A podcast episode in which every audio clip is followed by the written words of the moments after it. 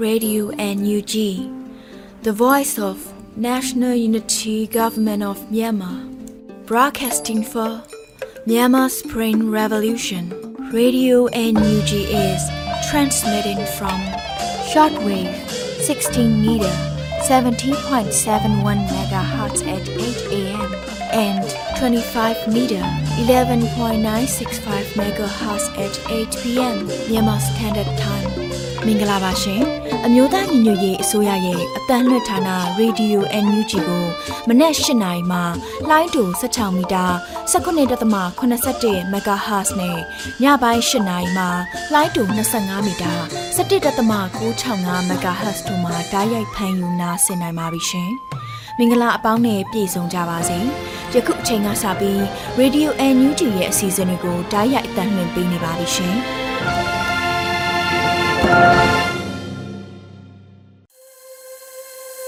ရေဒီယိုအန်ယူဂျီကိုနားတော်တာဆင်နေတဲ့ပရိသတ်များမင်္ဂလာနေ့လည်ခင်းပါရှင်။ကျမတို့ရဲ့တိုးချက်ထုံးမြင့်မှုစီစဉ်ဖြစ်တဲ့နေ့လည်ခင်းစီစဉ်လေးကိုစတင်ထုံးမြင့်ပေးတော့မှာဖြစ်ပါတယ်။ဒီနေ့နေ့လည်ခင်းမှာတင်ဆက်ပေးဖို့ရှိနေတဲ့အကြောင်းအရာတွေကတော့ပြည်သူတွေစိတ်ဝင်စားစေမယ့်နောက်ဆုံးရသတင်းချင်းတွေတော်လှန်ရေးဆောင်ပါတော်လှန်ရေးကြပြအပါဝင်တခြားစိတ်ဝင်စားဖွယ်ရာစီစဉ်တွေကိုထုတ်လွှင့်ပေးဖို့ရှိနေတာဖြစ်ပါတယ်။ကျမကတော့နှူးရှူပါပါ။ ဒီနေ့နေ့လည်ခင်းရဲ့ပထမဆုံးစီစဉ်အနေနဲ့ပြည်သူ့ကာကွယ်ရေးတပ်ဖွဲ့နဲ့ CDM ရဲတွေပူးပေါင်းပြီးဖွဲ့စည်းထားတဲ့ကလေး Police Service ကိုနှစ်ဖက်အတွင်းအမှုတိုင်ကြားနိုင်တော့မဲဆိုတဲ့သတင်းနဲ့တခြားစိတ်ဝင်စားဖွယ်ရာနောက်ဆုံးရသတင်းချင်းတွေကိုတော့လူဦးမှုကဖတ်ကြားတင်ပြပေးမှာဖြစ်ပါတယ်မင်္ဂလာပါအခုချိန်မှစပြီးနောက်ဆုံးရသတင်းများကိုဖတ်ကြားပါတော့မယ်အေးသတင်းများကို Radio NUG သတင်းတာဝန်ခံများနဲ့ ခိုင်လုံသောမိဖက်သတင်းရင်းမြစ်များစီမှအခြေခံတင်ပြထားခြင်းဖြစ်ပါတယ်ခင်ဗျာလက်နက်မဲ့ငိမ့်ချမ်းစွာဆန္ဒပြသူများကို ကားဖြစ်တိုက်တက်ခြင်းမှာလူရိုင်းတို့ရဲ့အပြုတ်အမူလက္ခဏာဖြစ်ကြောင်းအေးအေးခေါင်းဆောင်ကထုတ်ဖော်ပြောဆိုလိုက်ပါတယ်ရန်ကုန်တိုင်းကြည်မြင်တိုင်းပန်းမင်ကြီးလမ်းမှာပေါ်ပေါက်ခဲ့သောဖြစ်စဉ်အရလမ်းပေါ်ဆန္ဒပြသူများကိုရည်ရွယ်ချက်ရှိရှိကားဖြစ်ဝင်ဆောက်တိုက်တက်ခြင်းလုပ်ရမှာဆက်စုပ်ယွန်ရှာပွဲကောင်းတဲ့ လူသားစားလူရိုင်းများရဲ့လောက်ရမျိုးကိုလူအသက်ကိုတန်ဖိုးမထားဘဲရည်ရွယ်ချက်ရှိရှိကျိုးလွန်လိုက်ခြင်းပါပဲဒီလောက်ရမျိုးကိုဘယ်လိုနည်းနဲ့မှမှန်တယ်လို့ပြောလို့မရနိုင်ဘူးလို့ရခိုင်တက်မတော် AA စစ်ဦးစီးချုပ်ကပြောဆိုသွားတာပါကဘာကပင်တုံလှုပ်ခဲ့ရတဲ့ဒီဇင်ဘာလ9ရက်နေ့အဆိုပါဖြစ်စဉ်မှာဆန္ဒပြပိုစတာများကိုသာကင်ဆောင်ထားတဲ့အော်လန်များနဲ့ကြွေးကြော်နေတဲ့လူငယ်အုပ်စုထဲကိုစစ်ကောင်စီတပ်ကားများကအဝေးမှ အရှိန်ပြင်းပြင်းမောင်းနေပြီးဝင်တိုက်တက်သွားတာပါတစ်ဆက်တည်းမှာပဲတနက်များပြစ်ခတ်ခဲ့ပြီးတေသူတေဒဏ်ရာရသူများစွာနဲ့ဖမ်းဆီးခံရသူလည်း၁၁ဦးထက်မနည်းရှိခဲ့ပါတယ်တချို့လူငယ်များမှာလည်းကားတိုက်ခံရတဲ့အဖော်တငယ်ချင်းသားမှာစောင့်ရှောက်ကြံရစ်ရင်အဖမ်းခံခဲ့တာကိုရုပ်တံမှတ်တမ်းများကဖော်ပြနိုင်ခဲ့ကြပါတယ်မြန်မာ Press Photo Agency သတင်းထောက်နှစ်ဦးလည်းပြင်းထန်သည့်တရားများဖြင့်ဖမ်းဆီးခံခဲ့ရပြီးအမျိုးသမီးသတင်းထောက်မှာ အသက်ဘေးစိုးရိမ်ရကြောင်းသတင်းများကဆိုပါတယ်။ထိုဖြစ်ရတဲ့ပတ်သက်ပြီးအေအေကောင်းဆောင်ဗိုလ်ချုပ်ထုံးမြတ်နိုင်ကသူဤလူမှုကွန်ရက်စာမျက်နှာ Twitter မှာတဆင့်အခုလိုသဘောထားမှတ်ချက်ပြုခဲ့တာပဲဖြစ်ပါတယ်။ရခိုင်တက်မတော် AAE ပြောရေးဆိုခွင့်ရှိသူ ခိုင်တုခကလည်းဘာလက်နက်မှမရှိတဲ့ဆန္ဒပြလူငယ်တွေကိုမြန်မာစစ်တပ်ကရည်ရွယ်ချက်ရှိရှိနဲ့တပ်ဖြတ်ခြင်းသည် ရာဇဝတ်မှုကျိုးလွန်ခြင်းဖြစ်ကြောင်းမီဒီယာများကို ဖြေကြားခဲ့ပါတယ်။ AA ဟာစစ်ကောင်စီတပ်များနဲ့အချိန်တစ်နှစ်ကျော်လာသည့်အထိအပြစ်ရထားပေမယ့်လွန်ခဲ့သောနိုဝင်ဘာလပထမပတ်တွင်မှာတော့ထိတွေ့တိုက်ပွဲများပြန်လည်ဖြစ်ပွားခဲ့ပါသေးတယ်။ထို့သောတိုက်ပွဲများဖြစ်ပေါ်ခဲ့ပြီးနောက်ဂျပန်နိုင်ငံမှဆာဆာကာဝါရခိုင်ပြည်နယ်ကိုလာရောက်စင်မှာတော့ AA ရခိုင်တပ်မတော်ဟာသူတို့ဖမ်းဆီးထားတဲ့စစ်ကောင်စီတပ်မှဗိုလ်ကြီးတအုပ်အပါအဝင်စစ်သားနဲ့ ရဲသားစုစုပေါင်း15ဦးကိုပြန်လည်လွှတ်ပေးလိုက်ပါတယ်။ကြစ်မင်နိုင်မှာစစ်ကောင်စီရဲ့အကြမ်းဖက်မှုကိုဥလအပါအဝင် နိုင်ငံတကာအဖွဲ့အစည်းများမှထိတ်လန့်တုန်လှုပ်မိကြောင်းသဘောထားမှတ်ချက်များထွက်ပေါ်လာပြီးရခိုင်တပ်မတော် AA ဘက်မှလည်းအခုလိုစစ်ကောင်စီလုပ်ရဟာလူသားစားလူရိုင်းတို့ရဲ့လုပ်ရမျိုးဖြစ်တယ်ဆိုသောသဘောထားထုတ်ပြန်လာခြင်းဖြစ်ကြောင်းပါခင်ဗျာ ဆက်လက်ပြီးပြည်သူ့ကာကွယ်ရေးတပ်ဖွဲ့နဲ့ CDM ရဲများပူးပေါင်းစုစည်းထားသည့်ကလေး Police Service ကိုနှစ်ပတ်အတွင်းအမှုတိုင်ကြားနိုင်တော့မည်ဆိုသည့်သတင်းကိုတင်ဆက်ပေးမှာဖြစ်ပါတယ်။ဒေတာတွင်လိုအပ်ချက်အရကလေးဒေတာအခြေပြု CDM ရဲတပ်ဖွဲ့ဝင်များဖြင့်ကလေး Police Service ရဲအဖွဲ့ကိုဒီဇင်ဘာ6ရက်နေ့တွင်စတင်ဖွဲ့စည်းကြောင်းကလေး Police Service ကစတင်ကြေညာလိုက်ပါတယ်။ပြည်သူလူထုတောင်းဆိုချက်အရ ဒေတာတွင်ရဲလုပ်ငန်းများကိုလူအခွင့်အရေးများလေးစားလိုက်နာမှုပွင့်လင်းမြင်သာမှုလွတ်လပ်တရားမျှတမှုများနဲ့အညီဆောင်ရွက်မည်ဟုကြေညာချက်မှာဖော်ပြထားပြီး၎င်းရဲတပ်ဖွဲ့သည် PDF ကလေးနှင့်ပူးပေါင်းဖွဲ့စည်းခဲ့ခြင်းလည်းဖြစ်တယ်လို့ဆိုပါတယ်။ရဲလုပ်ငန်းသည်ဝန်ဆောင်မှုလုပ်ငန်းဖြစ်ပါသည်။ရဲအဖွဲ့သည်လူပုဂ္ဂိုလ်ကိုတက်စာစောင့်သိ၍မရပါ။ရဲအဖွဲ့သည်တရားဥပဒေကိုသာတက်စာစောင့်သိရန်ဖြစ်ပါသည်ဟု ကလေး Police Service အဖွဲ့ကရေးသားထားသည်ဆက်လက်၍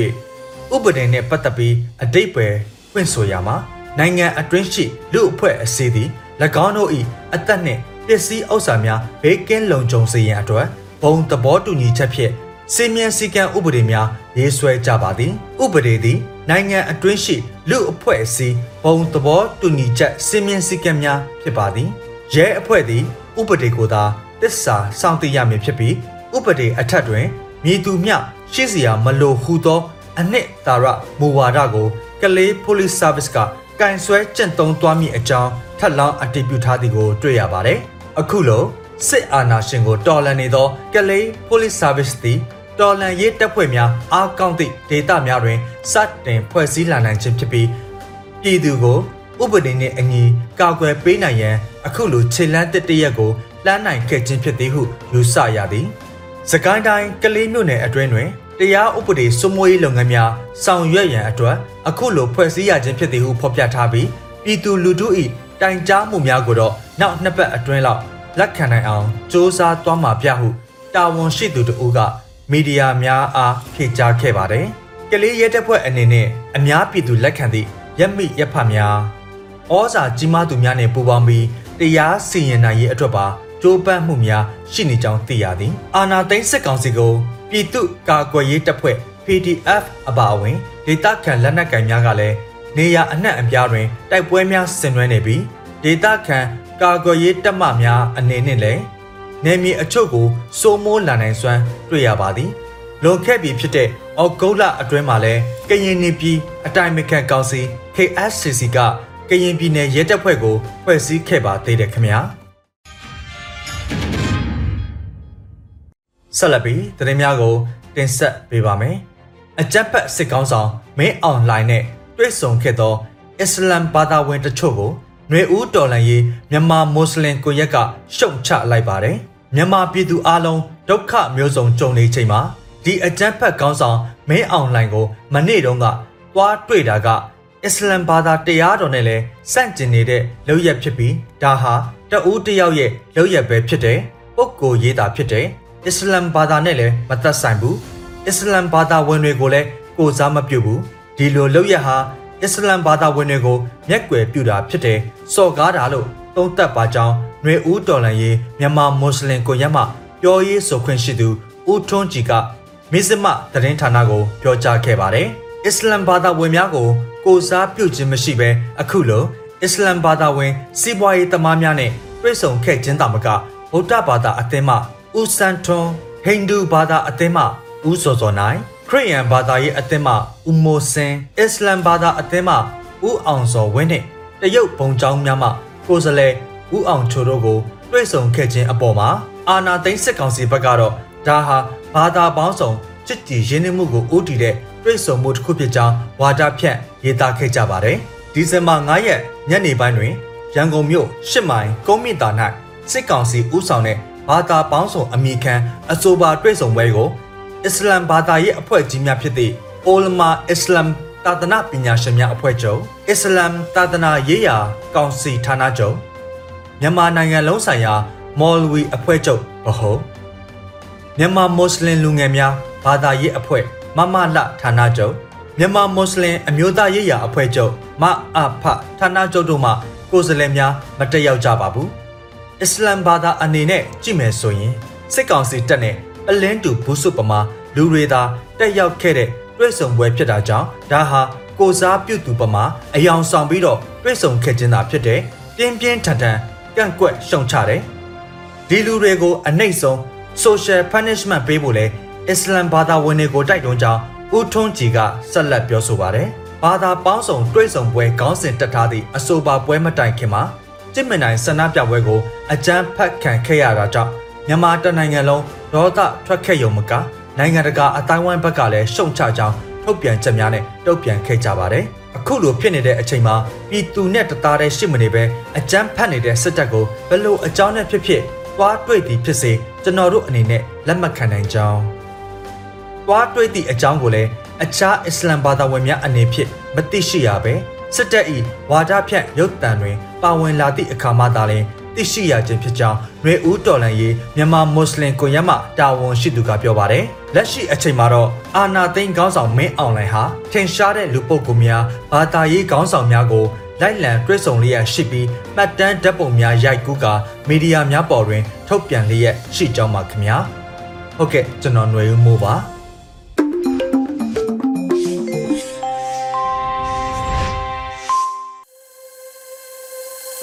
ဆက်လက်ပြီးတင်ဆက်ပေးမှာကတော့ဒီဇင်ဘာ9ရက်နေ့မနက်ပိုင်းကရန်ကုန်မြို့ကြီးမြင့်နိုင်မြို့နယ်မှာဆန္ဒပြပြည်သူတွေကိုစစ်တပ်ကကားနဲ့တိုက်ပြီးဖမ်းဆီးခဲ့တဲ့ဖြစ်စဉ်ဟာမြန်မာပြည်တွင်းမှာဒါမကနိုင်ငံတကာရဲ့မျက်နှာစာမှာပါရက်ဆက်ပြီးဥပဒေမဲ့တဲ့လုပ်ရက်တစ်ခုဖြစ်ခဲ့ပါတယ်။အလားတူအဲ့ဒီတရက်ထဲမှာပဲစစ်ကောင်စီခေါင်းဆောင်မင်းအောင်လှိုင်ဟာနိုင်ငံရေးစာပေနဲ့အမှုပညာနယ်ပယ်ကလူတွေစီတွားရောက်ပြီးတွေ့ဆုံခဲ့တဲ့တဲ့တင်ဟာလည်းပြည်သူလူထုကြားကိုဒိုလောဒိုလောထင်စရာတွေရှိနေပါတယ်။ဒီအကြောင်းအရာတွေကိုရေးဖွဲ့တင်ပြထားတဲ့ ဆန္ဒပြမှုကိုကားနဲ့တိုက်သက်တဲ့လုပ်ရဲဆိုတဲ့မုံမကသတင်းမြင်ကွင်းဆောင်းပါးကိုတော့ဟင်းကူကူကဖတ်ကြားတင်ပြပေးမှာဖြစ်ပါတယ်ဆန္ဒပြမှုကိုကားနဲ့တိုက်တဲ့လုပ်ရက် state actor လို့ဆိုတဲ့စကားလုံးကနိုင်ငံတကာဥပဒေတွေမှာသုံးနှုန်းကြတဲ့ပညာရက်ဆိုင်ရာစကားလုံးတစ်လုံးဖြစ်ပါတယ်။အစိုးရတရက်နဲ့အညီပြုမှုကျင့်ကြံရမယ့်ဝတ္တရားစောင့်ထင်းရမယ့်ဝတ္တရားကိုဆိုလိုတာမျိုးဖြစ်ပါတယ်။အစိုးရတရက်လို့ဆိုလိုက်တာနဲ့တရားဝင်မှုမဝင်မှုဆိုတာထက် နယ်မြေတစ်ခုကိုစိုးမိုးထားပြီးအာဏာကိုရယူထားတဲ့အနေအထားကိုဆိုလိုတာပဲဖြစ်ပါတယ်။ extrajudicial killing လို့အင်္ဂလိပ်ဘာသာနဲ့သုံးနှုန်းတဲ့ဥပဒေမဲ့တပ်ဖြတ်မှုတွေတချို့ကတော့တရားလက်လွတ်တပ်ဖြတ်ခြင်းလို့သုံးနှုန်းကြပါတယ်။တရားဥပဒေစိုးမိုးရေးမှာဘာဖွဲ့စည်းမှုစီမင်းစည်းကမ်းမှလိုက်နာစရာမလိုတဲ့လူမိုက်လက်မယွန့်တွေကိုခိုင်းစေတာမျိုးတွေရဲရွာအေဂျင့်တည်ငြိမ်မှုကိုပြပြအောင်တမင်တကာငွေကြေးသို့မဟုတ်လုတ်ပိုင်ခွင့်ပေးပြီး လူရဲမှုတပ်ဖြတ်မှုရိုက်နှက်မှုတွေကိုကျူးလွန်အောင်စေခိုင်းတာခွင့်ပြုတာတွေကိုအစိုးရလို့သူတို့ကိုသူတို့ခေါ်သူတွေပဲဖြစ်ပါစေကျူးလွန်ခြင်းမပြုဖို့နိုင်ငံတကာဥပဒေတွေမှာပါရှိကြတာဖြစ်ပါတယ်ဒီဇင်ဘာ9ရက်နေ့မနက်ပိုင်းကရန်ကုန်မြို့ကြည့်မြင်နိုင်မှာဆန္ဒပြကြတဲ့သူတွေကိုစစ်တပ်ကကားနဲ့တိုက်ဖမ်းတဲ့အဖြစ်ပြက်ဖြစ်ပျက်ခဲ့ပါတယ်ဆန္ဒပြသူတွေကိုဒီလိုကားနဲ့တိုက်ဖမ်းတာဟာပထမဆုံးတော့မဟုတ်ပါဘူးပြီးခဲ့တဲ့လပိုင်းတွေကမုံရမြို့မှာ ဆိုင်ကယ်နဲ့ဆန္ဒပြသူကိုဝေမိုးနိုင်ကိုရဲနဲ့တက်ကကားနဲ့တိုက်ဖမ်းတာမျိုးလုပ်ခဲ့တာမှတ်မိကြမယ်လို့ထင်ပါတယ်။အဲ့ဒီဖြစ်ပျက်မှာတုန်းကဆိုင်ကယ်ကိုတိုက်လှဲလိုက်ပေမဲ့လူတွေကိုကားနဲ့တက်ချိတ်တာမျိုးမဖြစ်ခဲ့ပေမဲ့ဒီနေ့ရန်ကုန်မြို့ကအဖြစ်ပြက်မှာတော့လမ်းလျှောက်ဆန္ဒပြသူ၁၀ကနန်းကိုကားနဲ့တက်ချိတ်ခဲ့တဲ့အထိဖြစ်ပျက်ခဲ့တာကြောင့်ဒီအဖြစ်ပျက်ကိုကြားသိရတဲ့အခါနှလုံးသားနဲ့ရောအုံနှောက်နဲ့ပါခံစားကြည့်လို့မရပဲ စဉ်းစားကြည့်လို့မရတဲ့အနေအထားကိုကျူးလွန်ခဲ့တာက state actor နေရာယူထားတဲ့စစ်ကောင်စီဖြစ်နေပါတယ်။ခုခေတ်ကာလမှာအဖြစ်အပျက်တွေကိုနဘေးမှာရှိနေကြတဲ့ဘသူမဆိုဓာတ်ပုံနဲ့ဗီဒီယိုနဲ့မှတ်တမ်းတင်ဖို့လွယ်ကူနေချိန်မှာခုအဖြစ်အပျက်ကိုလည်းမှတ်တမ်းတင်ထားနိုင်ပြီးကားနဲ့ဝင်တိုက်မိတဲ့ဗီဒီယိုကနိုင်ပိုင်းတွင် Facebook ပေါ်ရောက်လာတာဖြစ်ပါတယ်။ဒီဗီဒီယိုကိုကြည့်ပြီးမကျင်တတ်တာဒေါသထွက်တာဆန္ဒပြသူလူငယ်တွေအတွက်ရင်ထဲအမျှခံစားကြရတဲ့ ခံစားမှုမျိုးဖြစ်ပေါ်စေပြီးစစ်ဆိုးရဆိုသူတွေကိုအခုလောက်ရက်ဆက်တဲ့လုံရက်တွေကိုလုံရကောင်းလားလို့မယုံနိုင်တဲ့စိတ်ခံစားမှုတွေပါဖြစ်စေတာပါလူလူတွေကအချို့ကလည်းအခုအချိန်မှာဆန္ဒပြမှုတွေကအချိန်နေနဲ့လျော်ညီတဲ့တိုက်ပွဲပုံစံမဟုတ်တော့ဘူးလို့ယူဆမှုတွေလည်းရှိနေကြတာကိုလည်းကြားသိရပါတယ်လက်နက်အင်အားသုံးဥပဒေဆိုတာကိုပြစ်ပယ်ထားပြီးအတိုက်ခံပြုသူမှန်သမျှဥပဒေမဲ့နှိမ်နှင်းနှိပ်ကွနေတဲ့စစ်ကောင်စီကို လက်နက်မဲ့ငင်းညမ်းစွာဆန္ဒပြတာတွေလုပ်လို့မထိရောက်တော့ဘူးလို့ထင်မြင်ကြတာလည်းဖြစ်ပါတယ်။အခုလိုလက်နက်ကင်တပ်ဖွဲ့တွေကလက်နက်အားကိုအကုန်လုံးပိတ်ပင်ဖြိုခွဲနေချိန်မှာငင်းညမ်းစွာဆန္ဒပြတာမျိုးကအန္တရာယ်များပြီးဒီနီလန်းကိုမသုံးသင့်တော့ဘူးလို့ယူဆကြတာဖြစ်ပါတယ်။အခုအဖြစ်အပျက်ကအဆိုပါယူဆရှုထောင့်ကိုအားဖြည့်ပေးသလိုဖြစ်စေပြီးပြန်လည်သုံးသပ်သူတွေရှိကောင်းရှိနိုင်ပါလိမ့်မယ်။နိုင်ငံအနှံ့မှာ PDF တွေ ဒေသလိုက်ပြည်နယ်လိုက်ထွက်ပေါ်လာပြီးစစ်ကောင်စီတပ်တွေကိုလက်နက်ချင်းရှင်ပြန်ပြီးတိုက်ခိုက်နေကြချိန်မှာမြို့ပေါ်ကအင်အားစုအနေနဲ့အာဏာသိမ်းစစ်တပ်ကိုဖိအားပေးဖို့စန့်ကျင်ကြောင်းပြသနေဖို့လိုအပ်တဲ့ရှုထောင့်လည်းရှိနေတာကြောင့်ဆန္ဒပြမှုတွေကရန်ကုန်မန္တလေးမုံရွာစရှိတဲ့မြို့တွေမှာဆက်လက်ထွက်ပေါ်နေတာလည်းဖြစ်ပါတယ်။သို့ပေမဲ့ရက်စက်တဲ့စစ်ကောင်စီတွေရဲ့လုပ်ပုံကင်ပုံ ဘာဥပဒေလှုပ်ထုံးလုံနည်းကိုမှလိုက်နာခြင်းမရှိဘဲတိုက်ခန့်လုပ်သူတွေကိုဖြိုခွဲဖို့နဲ့တပ်ဖို့သာရွေးချယ်လှုပ်ဆောင်နေတဲ့စစ်ကောင်စီနဲ့ရှင်ရမှာမိမိတို့ဘက်ကလည်းအကြဆုံးနေဖို့ကိုသုံးသက်တဲ့တယ်လို့ထင်ပါတယ်။ဒီနေ့အဖြစ်ပြက်တွေတဲ့အများစုစိတ်ဝင်စားကြတဲ့အကြောင်းအရာနှစ်ခုရှိနေပါတယ်။ကြည်မနိုင်ပန်းမင်ကြီးလမ်းမှာဆန္ဒပြသူကိုကားနဲ့တိုက်တဲ့အဖြစ်အပျက်နဲ့နောက်တစ်ခုကစစ်ကောင်စီကောင်းဆောင်မင်းအောင်လှိုင်က NLD နာယက သူရဦးတင်ဦးကိုနေအိမ်မှာတွားရောက်တွေ့ဆုံတဲ့တဲ့ဖြစ်ပါတယ်။ဒီဇင်ဘာလဆန်းကစာဆူတော်နေ့လို့ခါသမယဖြစ်ပြီးစာပေနယ်ကတက်ကြီးပူဇော်ပွဲလိုမျိုးကျင်းပလေးရှိတဲ့အချိန်ခါမှာစာပေနယ်လဲတက်ဆိုင်ခြင်းမရှိတဲ့သူနိုင်ငံရေးနယ်ပယ်ကသူတွေရဲ့တက်ကအငိမ့်စားဗိုလ်ချုပ်ကြီးနှစ်ဦးနဲ့ဂီတနယ်ပယ်ကအသက်အရွယ်ကြီးဆုံးလို့ဆိုရမယ်ဗိုလ်ကလေးတစ်အောင်ကိုစစ်ကောင်စီကောင်းဆောင်ကလူမှုရေးအရာတွားရောက်တွေ့ဆုံတာကမိကုန်းတွေထွက်ပေါ်စေပါတယ်။ သူရဦးတင်ဦးဟာကျမ်းမာရေးမကောင်းတော့ပဲပါတီကိစ္စရက်တွေမှာဝင်ရောက်ဆောင်ရွက်နိုင်ခြင်းမပြုတော့တာနှစ်နဲ့ချီရှိနေပြီဖြစ်တယ်လို့စကားကောင်းကောင်းမပြောနိုင်တဲ့ကျမ်းမာရေးအခြေအနေမှာရှိပါတယ်။နောက်တစ်ယောက်ဖြစ်တဲ့ဗိုလ်ချုပ်ကြီးဟောင်းခင်ညွန့်ကိုသွားတွေ့ဆုံတာလဲထူးဆန်းပါတယ်။တက်နဲ့ပြဿနာဖြစ်ထားသူတယောက်ကိုသွားတွေ့ပြီးစစ်ကောင်စီကောင်းဆောင်ကိုတက်ချုပ်ရာထူးပေးခဲ့တဲ့ဦးတန်းရွှေနဲ့အဲ့ဒီအချိန်ကဒုတိယ စစ်ကောင်းဆောင်ဦးမောင်အေးတို့ကိုတွားတွေ့တာမျိုးမရှိတာကထူးဆန်းနေတာလည်းဖြစ်ပါတယ်။ဒီလိုတွေ့ဆုံမှုသတင်းထုတ်ပြန်တာတွေကစစ်ကောင်စီဥက္ကဋ္ဌဖြစ်သူမင်းအောင်လှိုင်ရဲ့မပြတ်သားတဲ့စိတ်နေစိတ်ထားအားလုံးနဲ့အဆင်ပြေပါတယ်ဆိုတာမျိုးကို ပြသခြင်းနဲ့စိတ်ကူးစိတ်တမ်းလို့အကဲခတ်ကောက်ချက်ချမိပါတယ်လို့ရေးသားထားပါတယ်ခင်ဗျာ။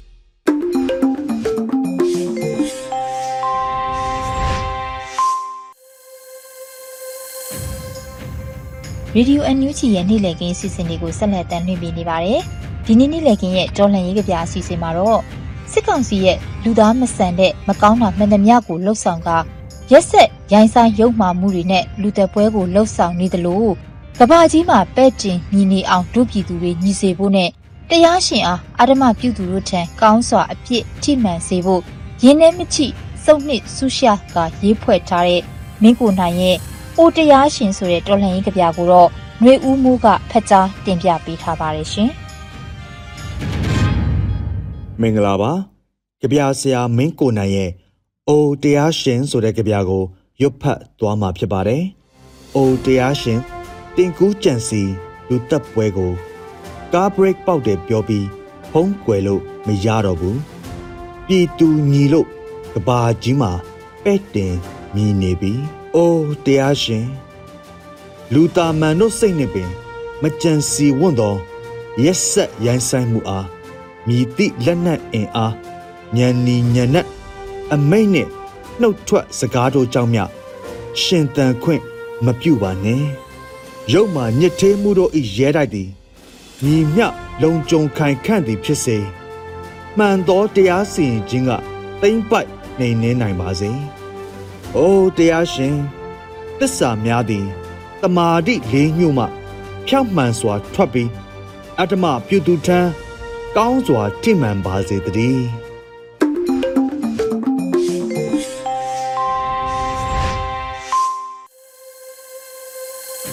ဒီတစ်ခါမှာတော့မြို့တော်လှန်ရေးရဲ့ပြည်သူခုခံတွန်းလှန်စစ်ကိုဆင်နွှဲနေကြတဲ့ပြည်သူစစ်တီတော်တွေကပြည်သူလူထုကို တတိလက်လွတ်ထိခိုက်တိုက်ခိုက်တာမျိုးမဖြစ်ရလေအောင်ကာကွယ်ရေးဝန်ကြီးဌာနအနေနဲ့ကပြည်သူစစ်တီတော်တွေကိုကျင့်ဝတ်တွေကိုပြဋ္ဌာန်းထားပြီးဖြစ်ပါတယ်။ဒီကနေ့မှာတော့ကျင့်ဝတ်လေးစားစစ်တီတော်များရဲ့အပိုင်းနှစ်ကိုနားဆင်ကြရမှာဖြစ်ပါတယ်ရှင်။မင်္ဂလာပါပြည်သူလူထုအပေါ်အာဏာသိမ်းအကြမ်းဖက်ဆက်အုပ်စုရဲ့ရရဆက်ဆက်တပ်ဖြတ်မှုတွေကြောင့်ပြည်သူလူထုတရက်လုံးကမိမိကိုယ်ကိုခုခံကာကွယ်ပိုင်ခွင့်အရာ People Defense War လို့ခေါ်တဲ့ပြည်သူခုခံဇက်တွေကိုဆောင်ရွက်နေကြရပါတယ်အခုလိုခုခံစစ်တွေဆင်နွှဲနေခြင်းပြည်သူစစ်တီတော်တွေကပြည်သူလူထုတွေအပေါ်တတိလက်လွတ်ပြစ်မှတ်ထားတိုက်ခိုက်တာမျိုးမဖြစ်ရလေအောင်ကာကွယ်ရေးဝန်ကြီးဌာနကပြစ်မှတ်သတ်မှတ်ချက်ဆိုင်ရာပြည်သူစစ်တီတော်တွေလိုက်နာရမယ့်ကြံ့ဝတ်တွေကိုပြဋ္ဌာန်းထားပြီးဖြစ်ပါတယ်။အဲ့ဒီထဲကကြံ့ချစ်နေသေးတဲ့အပိုက်နှစ်ပိုက်အကြောင်းကိုတင်ပြချင်ပါတယ်။ ပထမဆုံးတင်ပြခြင်းတဲ့အပိုက်တစ်ခုကတော့စာတင်ကြောင်းစေးရုံဘာသာရေးအဆောက်အအုံယဉ်ကျေးမှုဆိုင်ရာအထိမ်းအမှတ်နေရာများနဲ့အယက်သားပြည်သူများစုဝေးသွာလာလှုပ်ရှားသောနေရာများအားပြစ်မှတ်ထားတိုက်ခိုက်ခြင်းမပြုရဆိုတဲ့အပိုက်ဖြစ်ပါတယ်။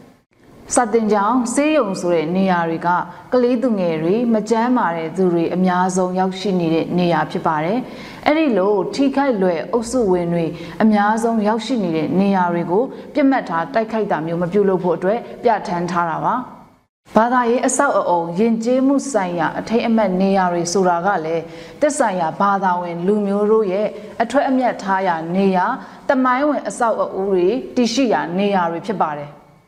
အဲ့ဒီအပြင်ဈေးစူပါမားကတ်အစည်းအဝေးပြုလုပ်တဲ့နေရာတွေလက်ဖက်ရည်ဆိုင်အစရှိတဲ့လူအများသွားလာလှုပ်ရှားတဲ့နေရာတွေကိုပြစ်မှတ်ထားတိုက်ခိုက်မယ်ဆိုလို့ရှိရင်အယက်သားပြည်သူလူထုတွေကိုထိခိုက်နစ်နာမှုအများကြီးဖြစ်စေနိုင်ပါတယ်။ဒါကြောင့်စစ်ရေးအရာပြစ်မှတ်ထားတိုက်ခိုက်တဲ့အခါမှာအယက်သားပြည်သူတွေအများစုစုဝေးသွားလာရာနေရာတွေကိုပြစ်မှတ်ထားမတိုက်ခိုက်ဖို့ပြဋ္ဌာန်းထားတာပါ။နောက်ထပ်တင်ပြခြင်းတဲ့အပိုက်တစ်ခုကတော့ လူနာတင်ရင်များကျန်းမာရေးစောင့်ရှောက်မှုပေးသောနေရာများရှေးဥတုနာပြုများနဲ့ကျန်းမာရေးကုသစောင့်ရှောက်မှုပေးသူများလူမှုကယ်ဆယ်ရေးအသင်းအဖွဲ့များအားတိုက်ကြိုက်ခြင်းမပြုရဆိုတဲ့အချက်ဖြစ်ပါတယ်။ရှေးဥတုနာပြုတွေကျန်းမာရေးဝန်ထမ်းတွေဆိုတာကဘယ်လိုအခြေအနေမှာမဆိုနိုင်ငံရေးအယူအဆကွဲပြားသည့်တိုင်အောင်ဒဏ်ရာရနေသူဖျားနာနေသူတွေကိုကျန်းမာရေးကုသမှုပေးနေရတဲ့သူတွေပဲဖြစ်ပါတယ်။ အဲ့ဒီလိုကျန်းမာရေးဝန်ထမ်းတွေအပြင်ကျန်းမာရေးစောင့်ရှောက်မှုပေးနေတဲ့ဆေးရုံစစ်ပေးခန်းတွေအခြားသောစေကုသရာနေရာတွေကိုပြစ်မှတ်ထားတိုက်ခိုက်တာမျိုးမပြုလုပ်ဖို့အရေးကြီးပါတယ်။လူနာတင်ရင်အပါအဝင်ကဘာကြစ်ချီနီအတင်းကတတ်မှတ်ထားတဲ့ပုံဆောင်ခဲနီ Red Crystal ကဘာကြစ်ချီနီတစ်စိတ်အလာချမ်းနီတစ်စိတ်စတဲ့တစ်စိတ်ပါဝင်တဲ့ရင်တွေကိုဥတီတိုက်ခိုက်တာတားမြစ်တာပိတ်ပင်တာမျိုးတွေမပြုလုပ်ဖို့လည်းတတိပြုရမှာဖြစ်ပါတယ်။ ဒါတွေနဲ့ပတ်သက်ပြီးဂျနီဗာသဘောတူစာချုပ်မှာဖော်ပြထားသလိုလူသားချင်းစာနာမှုဆိုင်ရာဥပဒေတွေမှာလည်းဖော်ပြထားပြီးဖြစ်ပါတယ်။ဒါတွေကိုကျူးလွန်တာဟာနိုင်ငံတကာဥပဒေတွေကိုချိုးဖောက်ရရောက်တဲ့အပြင်နိုင်ငံတကာရာဇဝတ်မှုကိုကျူးလွန်ရလည်းမြောက်သွားမှာဖြစ်ပါတယ်။ရာဇဝတ်ကောင်အကြမ်းဖက်စက်ကောင်ဆောင်နဲ့အပေါင်းအပါတွေကိုတွန်းလိုက်ရင်ကျမတို့ကိုယ်တိုင်ကရာဇဝတ်မှုတွေကျူးလွန်တာမျိုးတွေမဖြစ်အောင်တတိချက်ကြစီလိုပါတယ်။ ဒါကြောင့်ကာကွယ်ရေးဝန်ကြီးဌာနကထုတ်ပြန်ထားတဲ့ပြစ်မှတ်တမတ်ချက်ဆိုင်ရာကျင့်ဝတ်တွေကိုလေးစားလိုက်နာပြီးကျမတို့ပြည်သူလူထုတာမကနိုင်ငံတကာအတိုင်းဝိုင်းကလေးစားလက်ခံမှုအုပ်ရအောင်လှုပ်ဆောင်ရင်လူခွင့်ရေးနဲ့ Federal Democracy အတွက်ဆက်လက်တိုက်ပွဲဝင်ကြရအောင်ပါအရေးတော်ပုံမုတ်ချအောင်ရမည်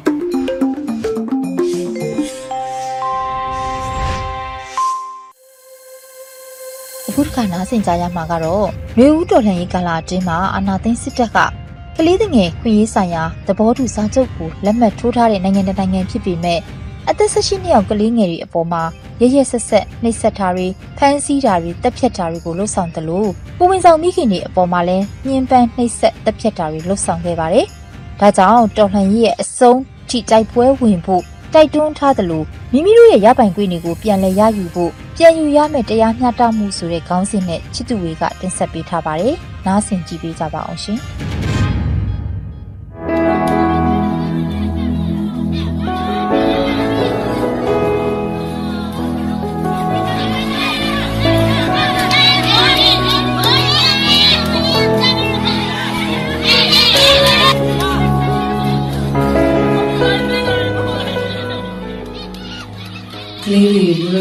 ပ်လပ်ပြောပြောရွှင်ရွှင်နဲ့ပြီးလွန်းစော့ကစားနေရတော့မြင်ရတာရရှင်ထဲမှာဘာနဲ့မှမတူဘူးကြည်လို့မိတယ်ကလေးတွေအတွက်တည့်ရွက်တဲ့ပင်တွေမြေကြီးဖုံဖုံတဲမွားမွားရွှွန့်ထူထူရှိတယ်ကြောက်တုံးကြောက်ခဲလေးတွေစက်ကူခဲရန်ပေါင်ပေါင်သည်ဘာပစ္စည်းတွေရှိရှိမရှိရှိပါအဓိကကလေးတွေအတွက်လိုအပ်တာသူတို့အတွက်လုံခြုံနေထွေးပေးမယ်ပတ်ဝန်းကျင်ကောင်းတစ်ခုရဲ့ တင်တင်ရောက်ပတ်တဲ့အစာအာဟာရရဲ့ကျင်နာတွေထွေးရမယ်နှလုံးသားတွေလက်တွေရဲ့အနာဂတ်အတွက်သူတို့ရှောက်လန်းတဲ့အခါမှာသူတို့လိုအပ်မဲ့သူတို့တင်ယူနိုင်မဲ့အာဝါဒမျိုးရှိရောကလေးတွေအတွက်ကလုံလောက်တယ်ထရီဇာသမီးလေးနှစ်ယောက်ရဲ့မိခင်ဆိုတော့သမီးလေးတွေအပါအဝင်ကလေးတွေအားလုံးကိုဖြိုးဖြိုးရွှင်ရွှင်နဲ့လွတ်လပ်စွာပဲကြီးပြင်းလာစေချင်တယ်သူတို့ရဲ့အနာဂတ်ခရီးအတွက် ပြောင်းလဲချက်တွေသူတို့အနာဂတ်ခရီးမပြည့်စုံမှုအတွက်အများအားဖြင့်အဲ့ဒီအရာတွေရှာဖွေနေမိတယ်ဒါမဲ့သူတို့လေးဘာဖြစ်ရမယ်ဆိုတာမျိုးမျှော်လင့်တာမျိုးထက်ဒီစားကလေးတွေအားလုံးကိုလွတ်လပ်လုံခြုံတဲ့ပတ်ဝန်းကျင်ကောင်းတစ်ခုမှာသူတို့ပျော်ပျော်ရွှင်ရွှင်ပြေးလွှားဆော့ကစားပြီးတော့ကလေးပီပီရှင်သန်ကြည်ပြင်းလာစေချင်တာအဲ့ထက်ပူပြီးလူလာတောင်းတတာဘာမှမရှိဘူးသူတို့လေးတွေစာလောင်မှာ စိတ်ပိုင်းဆိုင်ရာရုပ်ပိုင်းဆိုင်ရာထိခိုက်နာခြင်းမှာဝေဒနာတွေခံစားရမှာ။သူတို့ရဲ့စိုးရင်ပူပန်တယ်။စိုးရင်ပူပန်တာမျိုးကိုအတွေးလေးရောက်ရင်တော့မှရင်ထဲမှာဆူဆူနေနေခံစားရတယ်။ဒါထရစ်တယောက်တည်းခံစားရတာမဟုတ်ဘူး။ကဘာပေါ်မှာရှိတဲ့လူသားဆန်တဲ့လူတွေအားလုံးရဲ့ကလေးငယ်တွေအပေါ်မှာထားရှိတဲ့ညှိုးချင်တာစိတ်ပဲ။ထရစ်တို့နိုင်ငံမှာအဲ့ဒီကလေးတွေကိုညှိုးချင်တာရဲ့စိတ်နဲ့လုံလုံကြီးဆန့်ကျင်နေတဲ့ လူသားမဆန်တဲ့လူတွေရှိတယ်။အာနာသိန်းစစ်တပ်ဟာမြန်မာနိုင်ငံကအသက်16နှစ်အောက်ကလေးငယ်တွေအားလုံးကိုနှိပ်စက်တယ်ဥပဒေမဲ့ဖမ်းဆီးရယ်တပ်ဖြတ်တယ်ခရစ်စတန်တို့လူအဖွဲ့အစည်းမှာဒါမျိုးတွေရှိရဲဆိုတာမယုံနိုင်တော့အောင်ပါပဲအဖေကိုဖမ်းတယ်အဖေကိုဖမ်းတာမရလို့အမေကိုဖမ်းတယ် အမေနဲ့အတူပါတဲ့လာသားကလေးကိုအချုပ်ထဲထည့်တယ်ကြောက်လို့လူကြီးရဲ့ရင်ဝင်ထဲမှာပုံနေတဲ့ကလေးကိုတနက်နဲ့ပြတ်တတ်တယ်။စေချိုတဲ့ကလေးတွေကိုလူငယ်တွေကိုဖမ်းဆီးတယ်နှိပ်စက်တယ်အသေးရိုက်တယ်တနက်နဲ့ပြတ်တတ်တယ်ပြီးတော့အလောင်းလာရွေးခိုင်းတယ်။တန်းကုန်နေပြီ။ကျွန်တော်တို့ပြည်သူတွေဟာဒီပုံရိပ်တွေကိုကြည့်ရပြီးတော့ ရှင်ထဲမှာစုံတင်ပြီးတော့မျက်ရည်ကျရတယ်။ဒါတွေအားလုံးဟာအာနာသိန်းစစ်တပ်ရဲ့လူမဆန်မှုလူစိမ်းမရှိဘူးတွေပဲအာနာသိန်းကြီး၈လ9လအတွင်းမှာတည်ဆုံးတဲ့ကလေးငယ်ပေါင်း63ယောက်ရှိပြီ။သားလေး83ယောက်၊သမီးလေး10ယောက်။မလတလထဲမှာကလေး46ယောက်တည်ဆုံးခဲ့ရရှာတယ်။ရန်ကုန်တိုင်းမှာမန္တလေးတိုင်းမှာစကိုင်းတိုင်းမှာတနင်္သာရီတိုင်းမှာ အေရဝတီတိုင်းမှာမကွေးတိုင်းမှာချင်းပြည်နယ်မှာပဲခူးတိုင်းမှာရှမ်းပြည်နယ်မှာ၊ကယားပြည်နယ်မှာ၊မွန်ပြည်နယ်မှာမြန်မာတနိုင်ငံလုံးအနှံ့အပြားပဲဆိုရတော့အချမ်းဖတ်စစ်ကောင်စီတပ်တွေတပ်ပစ်ခဲ့တဲ့ကလေးငယ်တွေမှာအသက်အငယ်ဆုံးကလေးဟာအသက်တစ်နှစ်တပါပဲရှိသေးတာပါ2021ခုနှစ်ဩဂတ်12ရက်နေ့မန္တလေးတိုင်းမြင်းချံမြို့မှာအချမ်းဖတ်စစ်ကောင်စီရဲ့စစ်တပ်တွေဟာ စက်ခဲစီးလာတဲ့လူငယ်လေး၃ယောက်ကိုတနက်နဲ့လိုက်ပစ်တတ်တယ်အနားမှာရှိတဲ့အိမ်ထဲကဦးငင်းချမ်းရဲ့သူ့ရဲ့အမျိုးသမီးရဲ့အသက်တစ်နှစ်သက်သာရှိသေးတဲ့သမီးငယ်လေးရဲ့တနက်ချီစံလေးထိမှန်ပြီသမီးငယ်လေးအသက်ထိန်ပါသွားခဲ့ရတယ်နောက်တစ်ယောက်ကအသက်တစ်နှစ်နဲ့6လသာရှိသေးတယ်ကျိုင်းတုံမျိုးကသမီးငယ်လေးမမိုးတန်တာအောင်ဂျွန်လ19ရက်နေ့ကသမီးငယ်လေးရဲ့အဖေဖြစ်သူကိုတန်းစိုးအောင်ဟာ သမီးငယ်လေးကိုစီကံပြဖို့စိုက်ကဲနဲ့ထွက်လာတယ်ဒါကိုအချမ်းပတ်ဆက်တဲ့လမ်းမှာတားတယ်မရက်ပေးပေးနဲ့မောင်းထွက်လာလို့ကိုတန်းဆိုးအောင်ရဲ့စိုက်ကဲကိုညို့နဲ့ဒူအုပ်ကြီးကကားနဲ့လိုက်တိုက်ရနေပြီတမင်းငယ်လေးမုန်းတနာအောင်အသက်ဆုံးရှုံးရပြန်တယ်နောက်တစ်ယောက်ကတော့မန္တလေးတိုင်းနဲ့ထိုးကြီးမြို့နယ်ကတားငယ်လေးဇွဲထက်မော်စက်တင်ဘာလ20ရက်နေ့ညတကောင်ရတစ်ခုမှာ NLD ပါတီကိုထောက်ခံတယ်ဆိုတဲ့ဆွဆွဲချက်တွေနဲ့စစ်ကောင်စီတပ်ရဲ့အကြမ်းဖက်တပ်သားတွေဟာအိမ်တိမ်ဝင်စီးတယ်။အဲ့ဒီမှာအသက်တစ်နှစ်နဲ့6လသားရှိတဲ့တားငယ်လေးဇွဲထက်မော်အပါဝင်မိသားစုဝင်၄ဦးလုံးအသက်ဆုံးရှုံးခဲ့ရတယ်။ဒါဟာအကြမ်းဖက်စစ်ကောင်စီရဲ့လက်ပါစီတွေနီးအမျိုးမျိုးနဲ့တပ်ဖြတ်တာကိုခံခဲ့ရတဲ့အသက်အငယ်ဆုံးကလေးတွေရဲ့၃ဦးကိုနမူနာအနေနဲ့ပြောပြတာပါ။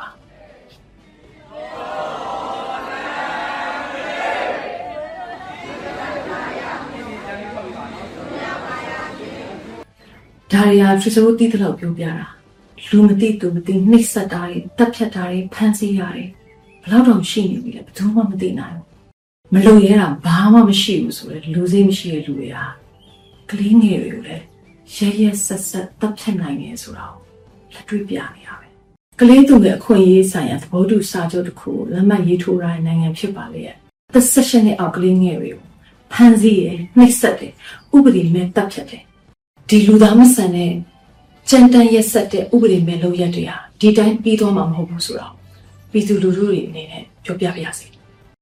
အဆုံးထိတိုက်မယ်လို့စိတ်ဆုံးဖြတ်ထားတဲ့ပြည်သူလူထုတရလုံးရဲ့တော်လှန်ရေးဟာမကြခင်မှာအောင်ပွဲနဲ့အဆုံးသတ်တော့မှာပါလူသားနဲ့မိစ္ဆာတိုက်တဲ့ပွဲဓမ္မနဲ့အဓမ္မတိုက်တဲ့ပွဲပညာမဲ့တွေကိုပညာနဲ့တိုက်တဲ့ပွဲဟာအခုချိန်ကလေးကအရှုံးနိုင်တဲ့ကွဲနေပါပြီကလေးငယ်တွေပါမချမ်း ကိုဝင်ဆောင်တွေပါမချမ်းရဲရဲဆက်ဆက်တပ်ဖြတ်ခဲ့ကြတဲ့အမိတ်ပေးခဲ့ကြတဲ့တာဝန်ရှိကြတဲ့သူတွေအားလုံးရဲ့ပြစ်မှုတွေဟာအနာဂတ်ရဲ့တရားဥပဒေရှေ့မှောက်မှာမချွင်းမချန်စီရင်ရင်ခံရမယ်ဆိုတာပြက်ပြက်တသားပြောပြရစီဒီလူသားမဆန်တဲ့ပြစ်မှုတွေအားလုံးကိုကျမတို့ပြည်သူတွေအားလုံးရဲ့အုံနောက်နဲ့နှလုံးသားထဲမှာဆွဆွမြင်မြင်မှတ်ထားကြတယ်တနေ့နေ့မှာကြာဆုံးခဲ့ရတဲ့ကလေးငယ်လေးတွေအရောက်စီတိုင်းအတွက်တရားမျှတမှုဟာ ရကိုရရမှာပါအဲ့ဒီအချိန်ရောက်ရင်ကျူးလွန်ထားတဲ့သူတွေအားလုံးအစင်သင့်ဖြစ်နေကြပါစေအရေးတော်ပုံအောင်ရပြီအာနာရှိစေဟာလို့ချန်ဒီ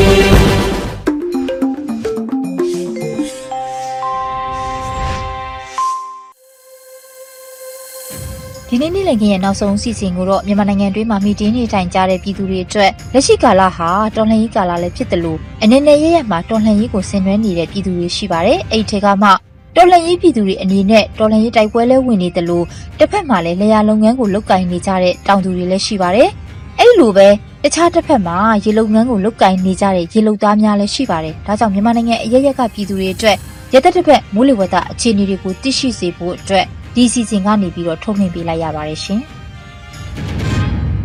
2021ခုနှစ်ဒီဇင်ဘာလ6ရက်နေ့မှဒီဇင်ဘာလ12ရက်နေ့အထိမိုးလေဝသအခြေအနေတွေကိုတင်ပြသွားပါမယ်။ယခုတစ်ပတ်အတွက်အလေးထားတင်ပြလိုတာကတော့ယခုနှစ်ဆောင်းကာလဟာလာနီညာအကျိုးဆက်ကြောင့်ဖြစ်ပေါ်လာတဲ့မုန်တိုင်းငယ်များနဲ့လေပွေလိုင်းများကြောင့်နှွေးတလက်ဆောင်းမိုးတလက်ပြန်အေးတလက်ဆိုတဲ့ပုံမှန်မဟုတ်တဲ့ရာသီစဝန်းအတွင်းဖြစ်တည်နေမှာဖြစ်ပါတယ်။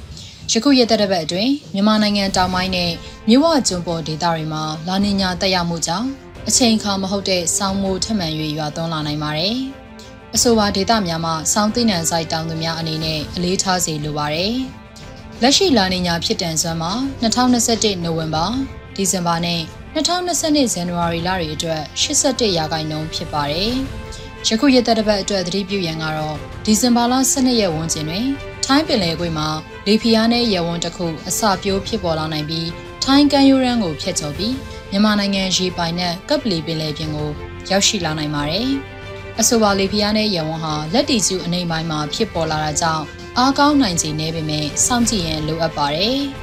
မြန်မာနိုင်ငံမြောက်ပိုင်းနဲ့အလဲပိုင်းတို့မှာမိုးပြန်ရွာနိုင်ပြီးမိုးရွာပြီးပါကတပြည်လုံးတွင်ရခင်ရက်များထက်အေးပိုလာနိုင်ကြောင်းကြိုတင်အသိပေးအပ်ပါတယ်။ဒီဇင်ဘာလ6ရက်နေ့အတွက်ခန့်မှန်းချက်မြန်မာနိုင်ငံအထက်ပိုင်းနဲ့အလဲပိုင်းတို့မှာအရှိတောင်လေများစိုးမိုးတိုက်ခတ်နေပါတယ်။မြန်မာနိုင်ငံအောက်ပိုင်းတွင်အရှိဘက်မှလေပြင်းများတိုက်ခတ်နိုင်ပါတယ်။အဆိုပါအရှိလေများဟာရေငွေ့များတည်ဆောင်လာပြီးမြန်မာနိုင်ငံတောင်ပိုင်းနဲ့မြဝကျွန်းပေါ်ဒေသတွေကိုမိုးရွာသွန်းစေနိုင်ပါတယ်။ အိန္ဒိယကမ်းပေါ်မှာမုန်တိုင်းငယ်ဟာအရှိမြောက်ဘက်ကိုပြန်ကွေ့ပြီးဘင်္ဂလားနယ်စပ်တွင်အဆုံးသက်သွားနိုင်ပါတယ်။မိုးအခြေအနေမှာချင်းပြည်နယ်၊စကိုင်းတိုင်းနဲ့ကချင်ပြည်နယ်တို့မှာနေရာကွက်ကြားမိုးထစ်ချုံရွာနိုင်ပြီးဒီပြည်လုံးတွင်တိမ်အထင်အထင်ဖြစ်ထွန်းနိုင်ပါတယ်။မြမပင်လယ်ပြင်တွင်အရှိတောင်ဘက်မှလေဟာတနအီလရင်9မိုင်မှ10မိုင်အထိတိုက်ခတ်နိုင်ပြီးလှိုင်းအနေငယ်ရှိနိုင်ပါတယ်။ဒီဇင်ဘာလ9ရက်နေ့အတွက်ခန့်မှန်းချက်မြန်မာနိုင်ငံအထက်ပိုင်းနဲ့အလဲပိုင်းတို့မှာအရှိတောင်လေများစိုးမိုးတိုက်ခတ်နိုင်ပါတယ်။ မြန်မာနိုင်ငံအောက်ပိုင်းတွင်အရှိဘက်မှလေပြင်းများတိုက်ခတ်နိုင်ပါတယ်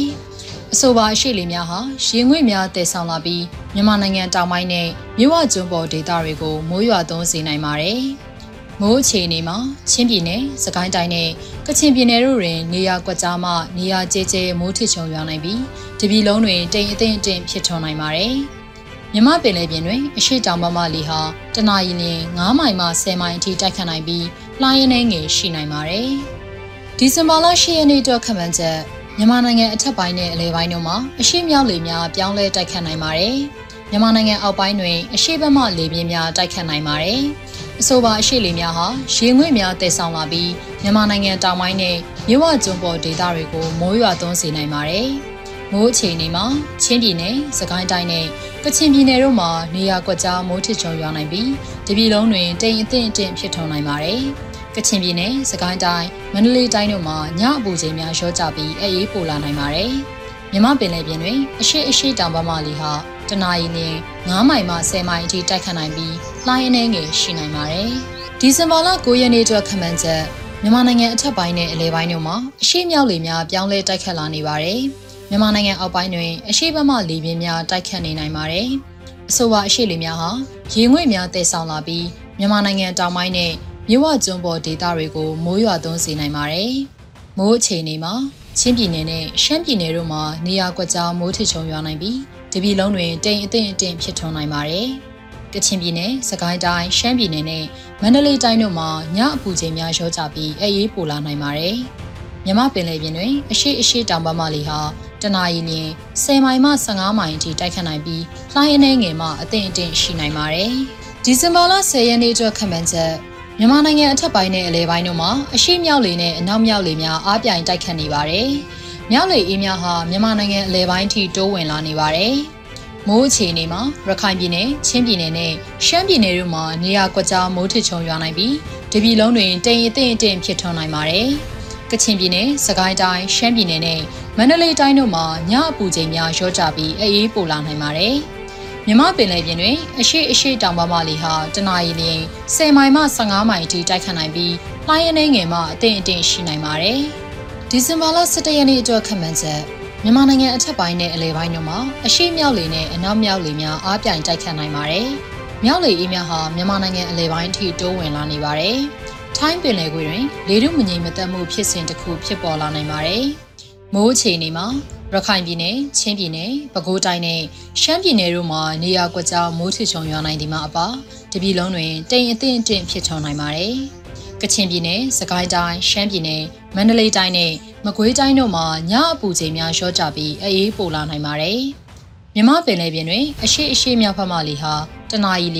10မိုင်မှ15မိုင်အထိတိုက်ခတ်နိုင်ပြီးလှိုင်းအနှဲငယ်မှအထင်အထင်ရှိနိုင်ပါတယ်။ဒီဇင်ဘာလ12ရက်နေ့အတွက်ခန့်မှန်းချက် မြန်မာနိုင်ငံအထက်ပိုင်းနဲ့အလယ်ပိုင်းတို့မှာအရှိမြောက်လေနဲ့အနောက်မြောက်လေများအားပြိုင်တိုက်ခတ်နိုင်ပါတယ်။မြောက်လေအေးများဟာမြန်မာနိုင်ငံအလယ်ပိုင်းထိတိုးဝင်လာနေပါတယ်။ထိုင်းပင်လယ်ကွေ့တွင်လေထုမငြိမ်မသက်မှုဖြစ်စဉ်တစ်ခုဖြစ်ပေါ်လာနေပါတယ်။အဆိုပါလေပွေတိုင်းဟာလေဖီယာနဲ့ရေဝန်းအဖြစ်ရောက်ရှိလာနိုင်ပြီးမြမပင်လယ်ပြင်ဘက်ကိုဖျက်ကျော်လာနိုင်ပါတယ်။မိုးအခြေအနေမှာရခိုင်ပြည်နယ်၊ချင်းပြည်နယ်၊ပဲခူးတိုင်းနဲ့ရှမ်းပြည်နယ်တို့မှာနေရာကွက်ကြားမိုးထစ်ချုံရွာနိုင်ပြီးတပြည်လုံးတွင်တိမ်အထင်အထင်ဖြစ်ထွန်းနိုင်ပါတယ်။ ကချင်ပြည်နယ်၊စကိုင်းတိုင်း၊ရှမ်းပြည်နယ်၊မန္တလေးတိုင်းနဲ့မကွေးတိုင်းတို့မှာညအပူချိန်များလျော့ကျပြီးအေးအေးပိုလာနိုင်ပါတယ်။မြမပင်လယ်ပြင်တွင်အရှိအရှိမြောက်ဖက်မှလေဟာတနအီလ10မိုင်မှ15မိုင်ထိတိုက်ခတ်နိုင်ပြီးလှိုင်းအနေငယ်မှာအထင်အထင်ရှိနိုင်ပါတယ်ရှင်။